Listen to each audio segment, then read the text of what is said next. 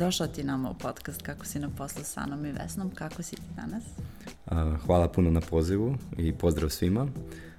I evo, jako dobro i jako zbuđen ispred Pa da, znam da, si imao, da, znam da si imao i gust raspored, ali evo prvo ću da te predstavim. Naš gost danas dolazi nam iz regiona, mada ima kompaniju koja, koja je i na ovom tržištu prisutna.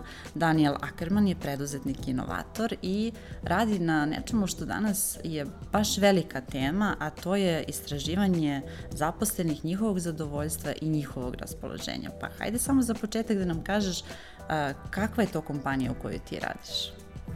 Pa ja sam jedan od dva osnivača, The Guardiana, i zapravo to je grupa, imamo tri firme, The Guardian, Born Fight, Media Toolkit, imamo nekakvih 250-300 ljudi Um, The Guardian je zapravo digitalna agencija, digitalni marketing, Bornfet je više produkcije softvera, Media Toolkit je nekakav media monitoring tool i sad imamo novi tool Stetoskop koji ćemo spomenuti kasnije. imamo ured u Beogradu, tu ima nekih 40 ljudi, imamo u New Yorku dvoje, Zagreb je najveći, ipak tamo je negdje, ne znam, puno, Mostar, Ljubljana i tako. Trudimo se. Dobro, to je lepo i želim vam da se širite još i na druga tržišta. A kada govorimo o, uopšte o raspoloženju zaposlenih, to je inače jedna od velikih tema kojima se mi bavimo u podcastu, zbog toga si ti naš gost danas. E, I nešto što se u svetu dosta govori, počinju kompanije konačno da brinu o svojim radnicima, kažu da je u regionu to nešto malo manje, ali da li nam možeš reći e, koliko je važno brinuti o zadovoljstvu radnika? Pa ja mislim prvo što bih htio prokomentirati ti kao trendovi. Dakle, naša tržišta dosta tu zaostaju, um, ali ja mislim da je glavni razlog zapravo ekonomski ciklus koji je ovdje bio. Dakle, recesija 2008. van je trajala tipa pola godine godinu u našoj regiji to je trajalo, ne znam, 8 godina. To nije bila recesija, to je bila depresija, kad je bila ogromna nezaposlenost. I zapravo firme je tad bilo nekako baš briga za zaposlene i nisu uopće pridavali pažnju. I, i zapravo cijeli HR je izumro na ovim prostorima tada. Um, a sad zadnjih 3-4 godine je potpuno druga situacija, dakle potpuno ekstremno različita, gdje zapravo firme ne mogu doći do zaposlenih i totalno se promijenilo gdje sad zapravo odjednom jako su bitni ljudi, mhm. kako doći do njih, kako ih zadržati, ali zapravo cijela industrija ne postoji i to je zapravo jako velik problem ovdje. Vani je isto problem, ogroman Great Resignation, ali mislim da baš jako zaostajemo zbog tog nekakvog ciklusa koji se desio. I sad je cijelo tržište prepoznalo kao, ono, ljudi su bitni, fluktuacija je svuda narasla. I sad kako jednom, ono, u kratko vrijeme se reinventati. Dakle, s jedne strane, kako napraviti bolje radno mjesto za tvoje zaposlene, da ih zadržiš, a s druge strane, kako privući nove zaposlene. I nije to više problem programera, danas ne možeš naći vozača kamiona, ne znam, čistačicu, uh, prodavača u dućanu, tako da zapravo ogroman, ogroman problem nastao za koji apsolutno mislim da niko nije ovdje spreman. Da, i kažu u svijetu danas se zapravo i čuje ta rečenica, nije više naći problem, nije više posao naći toliki problem koliko zadržati dobrog radnika. Kako smo uopšte obrnuli tvo igricu? Kako je došlo do toga? Kako to komentarišete? Je li moguće da, da sada radnici postavljaju svoje uslove? Pa apsolutno. Uh, mislim da jako visi od industrije do, industrije i kompanije do kompanije, ali cijelo to težište se totalno promijenilo. To ono kao imaš demand side, supply side, ko recimo nekretninama, ono imaš koji mhm. pod premalo nekretnina, koji pod previše, jako visi, tako i ovdje. I zapravo ima jako puno firmi koje, pa čak i mi, Dakle, nama nije problem doći do projekata. Dakle, mi u svakom trenutku imamo takav pipeline da je to super ali problem je doći do ljudi i to ograničava recimo naš rast. A mislim da ima takve firme sve više. Jeste da ja sam baš i pričala sa, sa nekim kompanijama iz regiona, konkretno iz Hrvatske i oni kažu da idu sad u akvizicije ne zbog posla iz biznisa nego zbog ljudi da bi proširili tim jer jednostavno nemaju, nemaju, radni, radnika. Apsolutno. I, sad, da, kaže. Pa i, i to je takva situacija i onda se dešava, mislim, to je isto inflacija, zapravo dešava se rast cijene radne snage, pogotovo u IT-u, ali zapravo i drugdje. Um, a s druge strane onda i firme moraju postati skuplje i zapravo to isto na neki način ono, mislim, pumpa inflaciju koja nikom nije baš ugodna, a mi za, u IT-u nije apsolutno zdrava. E sada ja znam da dosta radite u kompaniji na tome i imate razne svoja istraživanja. Šta je pokazalo tvoje iskustvo? Zbog čega su radnici nezadovoljni danas? Pa mislim da jako to ovisi od firme. Um, Nekako mislim da na početku samome, um, ono, zapravo nekako kao plaćati jako bitna da dođeš zapravo do nečega što je tebi dostatno za život. Dakle, moraš doći do te neke razine, onda ti plaća nekako bitna. Onda zapravo kasnije lagano postaje manje bitna i više postaje bitan paket. Ne znam, koliko se ti razvijaš, mhm. koliko učiš, kakav ti je tim, da ti je lijepo, da možeš napredovat um, i slično. Um, a onda recimo IT je tu fazu već prešao. I ti kada gledaš imaš 10 IT firme, ali svi imaju super paket, super plaća, super paket. I on zapravo dolazi već do onoga kao da je to nekakva supervizija, da je to nekakav super brand, da kad pričaš e, drugarima da to zvuči onako nekako respektabilno. Tako onak, jako se mijenja, jako vi ste od industrije do industrije, ali definitivno sve teže zapravo zadržati ljude i radna snaga se jako globalizira, ne u svim industrijama, ali recimo u IT-u, mislim mi se danas natječemo za talent u Srbiji i Hrvatskoj, ali ne sa mhm. srpskim i hrvatskim firmama, nego sa globalnim firmama. Tako onak, prilično da, mislim da su radnici kod nas shvatili da mogu da budu globalno konkurenti i da mogu da, da rade na tim svojim nekim veštinama. Međutim, vi ste napravili jedno rešenje koje može da pomogne i poslodavcima i radnicima na tom putu. Možeš li nam nešto reći više o tome? Pa da, mi smo tipo Hrvatskoj ili nama kao headquarter, mi, mi, smo imali tipa 10 puta smo bili najbolji poslodavci i u Hrvatskoj u povijesti nema firme koja je imala toliko tih nagrada. I jako smo dobro taj HR dio razvili. I zato smo dosta velika inspiracija nekak firmama koji sad jako imaju problema, nekak često mhm. pitaju nas zapravo za neke savjete. I mi smo zapravo uh, razvili, još prije deset godina smo počeli razvijati taj tool zapravo za analizu zadovoljstva i nekakve angažiranosti. I, I onda smo nekako počeli pričati s klijentima i oni su svi zapravo bili oduševljeni kako mi to radimo. I nama je to bilo nevjerojatno kao da oni to nemaju i zapravo smo onda napravili cijeli tool uh, oko toga. Uh, I zapravo ogroman uspjeh zbog tog velikog paina koji postoji, a zapravo iskustva kojeg nema, tako onak idealan fit. A zapravo šta je to ukratko? Zove se stetoskop. Um, I zapravo poanta da jednom godišnje imaš nekakvo ogromno istraživanje za zaposlenih jako, jako duboko po svim mogućim nekakvim kriterijima, faktorima i onda zapravo da imaš nekakav business intelligence tool spojen na to, da točno možeš pratiti, ne znam, po odjelu, po uredu, po spolu, po godinama i točno vidjeti zapravo di su super zadovoljni ljudi, a di možda ne i di trebaš nešto kao ono činiti. A to je, to je jednom godišnje i ne možeš to često raditi, ali preveliki upitnik, ljudi to ne ispunjavaju. I onda imamo drugi dio proizvoda koji zove Puls, je cilj zapravo svaki mjesec da zaposleni dobi jednu kratku, kratku formu, uvijek istu i da opet možemo pratiti trend svaki mjesec kao da li rastemo ili padamo. Tako da je ideja stetoskopom ono, vidjeti jako duboko stanje, napraviti nekakav akcijski plan kako to popraviti, a onda tim pulsem zapravo pratiti da li uspijevaš u tome ili ne i temeljem toga korigirati. Tako da mi za to esencijalno zapravo imati dobro istraživanje koje ti može pomoći zapravo vidjeti kako ljude učiniti zadovoljnijima. Uh, I mi za to onak super tool za firme, ali mene jako nekako inspirira i gura jer mislim da pomažemo učiniti taj cijeli ekosustav nekako boljem, da ljudi budu sretni, i zadovoljni. Upravo, da, i verujem da, da je jednako i odgovornost biti jedan od najboljih poslodavaca, a vi ste bili na toj listi najbolji toliko dugo. Šta čini jednog poslodavca najboljim? Kako vi to gledate iz vašeg ugla i zanima me isto e, da li stvarno pomno pratite sva ta istraživanja i primenjujete ih, odnosno jasno mi je da, da je to odličan alat za da vidite gde ste u tom lancu, ali dakle vi zaista primjenjujete sve ono što, što imate feedback od, posla, od radnika. Pa prvi dio kao za, zašto smo mi najbolji poslodavac, to me stalno neko pita i zapravo nemam dobar odgovor, što je loše, ali jako sam razmišljao o toj temi i ja mislim da nije tajna ne znam, imati super ured ili ne znam, super uvjete nekakve. Mislim da to ono svako može napraviti, to je zapravo samo mali dijelić. Ja mislim da je najbitniji dio ono istinski da ti želiš napraviti radno mjesto gdje će istinski ljudi biti sretni. I da ako to imaš, ti ćeš biti najbolji poslodavac. I onda ako to imaš, ti ćeš uvijek smišljati načine ono kako da ljudi budu sretni, da li su to neki novi benefiti, da li to nekakav novi sustav razvoja ili naprosto ne znam, negdje ljudi nisu zadovoljni, pa ajmo to popraviti. Mislim da je ključan taj mindset i mislim da mi to imamo, jer mi nismo tipična firma, mi nismo firma zbog biznisa, kajmo mi zarađivati milijone, isplaćivati. Mi smo nakon od početka to napravili, kajmo napraviti firmu, ono gdje će biti mhm. ekipa, prijatelji, pa bit ćemo sretni. I mi za to taj mindset zapravo koji je kritičan. A onda kad imaš taj mindset, onda skuži da si bitna istraživanja, pa kad te ljudi daju negdje loše ocjene šta se desi, onak da stvarno istinski ono gledaš kao uh, dobili smo mhm. loše ocjene, moramo nešto napraviti. I stvarno pokušaš nešto napraviti. Tako da mi za to krucijalno. E sad, koliko mi to koristimo, apsolutno koristimo. Dakle, mi to radimo svake godine, taj veliki upitnik i uvijek se radi ozbiljan akcijski plan uh, i onda je jako bitno ne samo ga napraviti, nego iskomunicirati ljudima da vide da smo ih čuli, da radimo nešto sa time.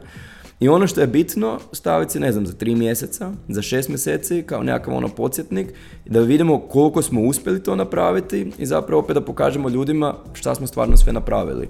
Tako da, ono, apsolutno je bitno i treba to ozbiljno shvatiti i to je vrlo jedna od kompanija redka u regionu pa i ovom delu Evrope koja se zaista bavi time jer znam i kada se nama i u tekstovima i u komentarima žale radnici i oni kažu nas šef ne čuje, ne čuju nas mm. poslodavci, to je, to je nije nekada veoma problem i ne mogu ni da nađu neki način da se izraze tako da su te upitnice vrlo važni, ali verovatno i za HR, koliko vaš alat tu može da pomogne, kakvo je poslovno okruženje danas dobro, dobro okruženje, šta su pokazala ta vaša istraživanja i alat koji pa prvo je samo da se bacim točku prije, dakle mi imamo jedno pitanje koje je genijalno, gdje ljudi kažu koliko vjeruješ upravi da temeljem ovog upitnika će zbilja nešto promijeniti. I ta ocjena jako varira od firme do firme i to je točno ovo.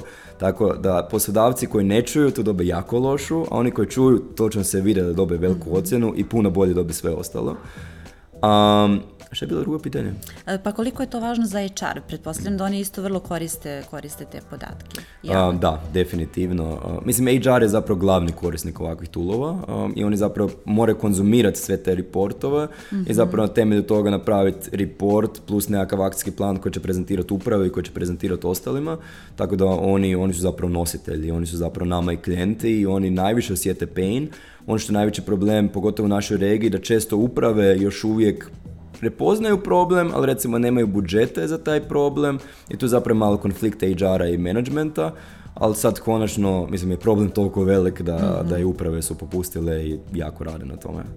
E sada kada govorimo o tom malo isto obrnutom procesu, važno je šta radnici misle o kompaniji posle pet. To je ono čuveno što danas govorimo o brendiranju poslodavca i za to je počelo tek da se odvaja u budžetima. Koliko je to važno, da li, ovaj, da li se tu vidi e, šta radnici misle? Employer branding. Da. Um, on isto počeo biti jako bitan, ali ne zato što poslodavci stvarno žele to razvijati, nego i taj pain mhm. da ti raspišeš natječaj da se niko ne javi. I to sad odjedno prepoznali. Um, tako da mislim da više nema firme koja ne vidi važnost u tome. stanje je jako loše. Dakle, mi smo recimo razvili cijeli unit koji se bavi time ja sam iskreno očekivao da sve korporacije imaju to sve super riješeno i da ćemo mi raditi više, ono, snimiti nekakav video gdje će se pokazati kultura ili ne znam, mhm. nekakav PR objaviti. Ali zapravo razgovor s tim kompanijama, najvećim regionalnim, bila to Srbija ili neka druga država, um, oni nemaju ništa. Dakle, ono nije jasna, niti ne znam koje su njihove vrijednosti, koje EVP, to je employee value proposition, ne znam, ko su njima employee persone, kako komuniciraju, gdje, dakle ništa nema.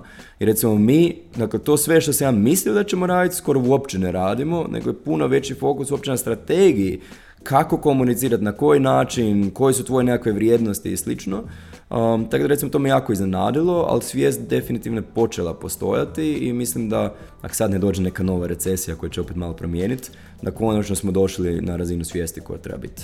Pa to sam i htjela da pomenem koliko je to zapravo važno i za tržište, ne samo za kompaniju, kako će da, da, da izgleda u javnosti ili uopšte kako će o njoj da se govori, nego kako to generalno tržište utiče. Mislim, mi znamo sada eh, kako, kako kada regrutuju inženjere, pa ne znam, gledaju LinkedIn, pa se ljudi ljudi dosta nekada figuriraju te svoje stavke u, u CV-ima i ostalo. Kako može tržište nekada da Da li možda vaš alat i tu pomaže u tom smislu? Pa prvo, ja, ja mislim da se tržište jako transformiralo i onak, ne znam, zadnjih 20 godina pričali smo o digitalnoj transformaciji koja je jako bitna ja mislim da još nemam baš pravi pojam za to, ali da je sad nekakva employer transformacija i da ovaj HR proživljava nekakvu transformaciju, pogotovo ovdje koja ja mislim da je jako dobro došla. I da mi konačno ovdje postajemo super moderne kompanije koje su ono uz bok zapadnima i tu transformaciju sada prolazimo koja je spora i koja nam ne ide, ali upravo prolazimo. Ja se nadam da mi za dvije, tri godine možemo ispati super nekako moderni. I mislim da je to jako dobro za ljude koji rade u tim firmama, mislim da je jako dobro za kompanije koje će biti puno zdravije i ono nekako održivije i naprosto za cijeli ekosustav.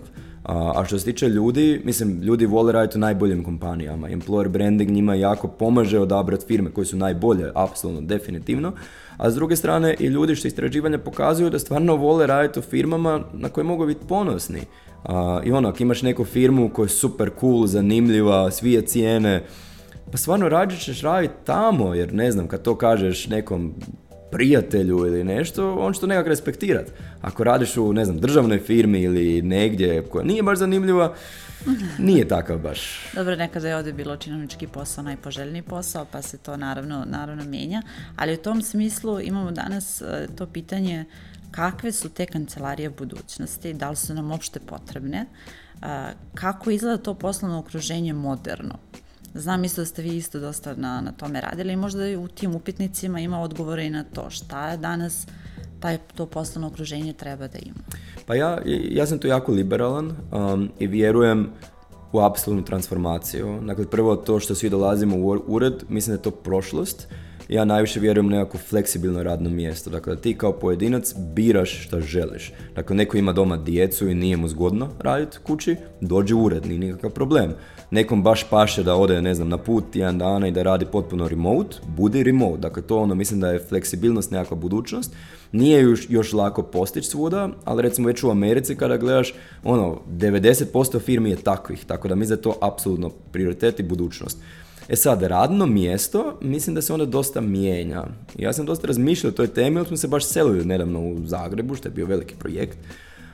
I proučavao sam hrpu istraživanja, u Americi sam bio mnogo ureda da vidim kako to funkcionira.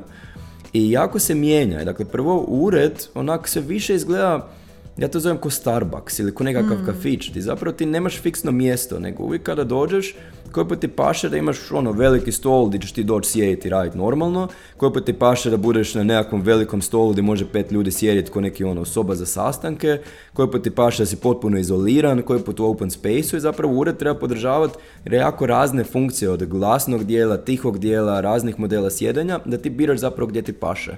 Ono što je zapravo zanimljivo u velikim gradovima, čak i Beograd je veliki grad, da sve više firmi uopće nema koncept jednog velikog ureda kao nekakvog kampusa gdje svi teže, nego zapravo ti imaš po gradu više manjih nekakvih sredina i onda zapravo odeš kao biznis hubovi, da. Baš kao biznis hubovi i odiš naprosto raditi tamo gdje ti paše. Dakle, ako si na zapadnom dijelu grada, odi tam. Ako si na istočnom, odi istočno. Dakle, ono, potpuno svejedno, da li si doma, da li si u uredu, da li si na putu, ali zapravo biznis potpuno funkcionira.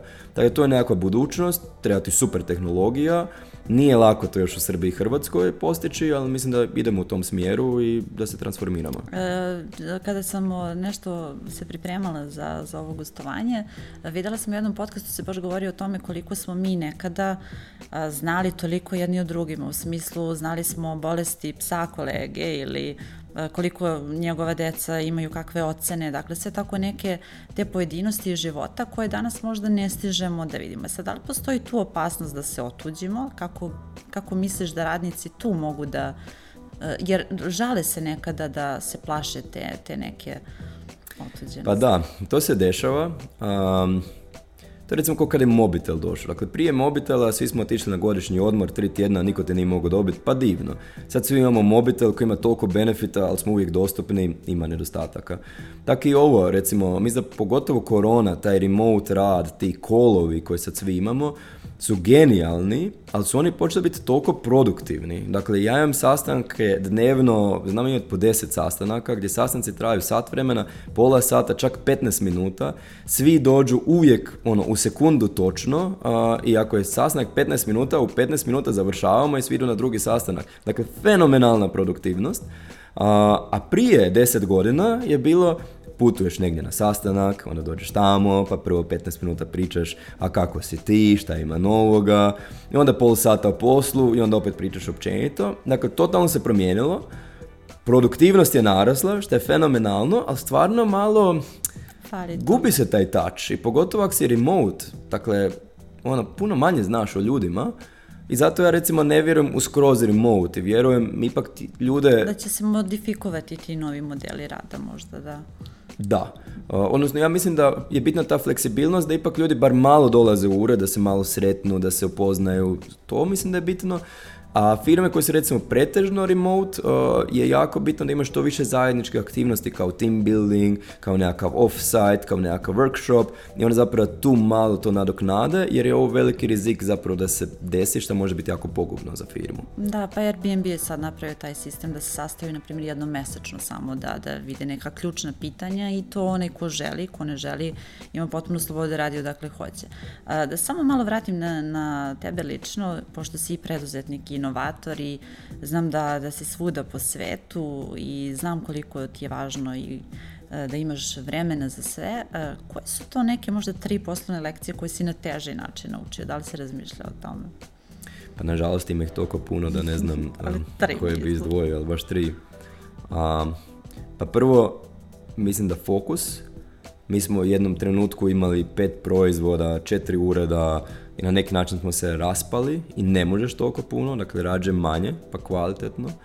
Drugo, to je možda moje malo osobno, mi smo napravili firmu kad smo imali 22 godine i već sad 25-26 godina mi smo rezali investiciju 1,5 milijuna eura, zapošljavali, bila je najgora recesija, u svim medijima smo bili i onak malo smo si umislili i tad smo imali tu fazu da smo sve nešto pokušali raditi, ali smo bili uvjereni da što god taknemo to je uspješno, a to nije dobro i to je pogubno. I treba ostati skroman i treba onak znati, čak i ako si uspješan, uvijek imaš tu i sreće i svega i onak uvijek raditi na sebi i razvijati se, tako da ono, to je drugo. Treće, pa evo što je meni onako uvijek bilo, ja nisam tipičan biznismen. Onak meni je uvijek bilo kao da imamo super ljude, da su ljudi sretni i slično. Ja sam onak znao malo zanemariti poslovanje. Ali zapravo ti moraš imati jako uvijek zdravo poslovanje. Moraš imati dobru profitabilnost da bi zapravo mogao i osigurati sve ljudima. Tako onak mislim da ne smije se zanemarivati biznis. Evo to su tri. Dobro, to je sasvim, sasvim dovoljno i super su savjeti i baš, baš mi je drago što si podijelio to sa nama. I evo za kraj, kako ti vidiš taj odnos radnika i poslodavaca na Balkanu narednih pet godina? i kako im ti možeš pomoći, meni je to isto važno. Da... Pa iskreno, ja mislim da je sad velika neizvjesnost i ono, s ekonomske strane i nemam pojma šta se dešava. Dakle, ovo inflacija strašno raste, GDP lagano pada, imamo rat u Ukrajini, imamo sankcije i ono, ne znam, mene malo strah kako će ta ekonomija izgledati. Ako ne bude velikih promjena, dakle, ovo će se nastaviti uh, i trebaju firme nastaviti ulagati u zadovoljstvo ljudi, u svoj nekakav brand i slično. Ako dođe do recesije, to bi moglo biti neugodno za sve, ali mislim da je u tom trenutku isto kompanijama jako važno nastaviti razvijati to. Jer to ne možeš promijeniti preko noći, ti ne možeš postati super brand preko noći, ti ne možeš dobiti zadovoljne ljude preko noći. I čak ako se desi recesija, za dvije, tri godine opet će biti sve normalno i bitno je čak i to najgore vrijeme nekako ulagati u svoj brand i u zadovoljstvo, tako da kad dođe opet talent kriza, da budeš to jači. Tako da ja vjerujem da će ovo nastaviti biti bitno i i da ćemo živjeti u boljem svijetu. Hvala ti mnogo što si bio naš gost. Hvala na pozivu i slušateljima slušanju. vi nas gledajte i sljedeće nedelje, čitajte na Telegram Biznisu, gledajte na YouTube-u, slušajte na Spotify, Apple i Google platformama.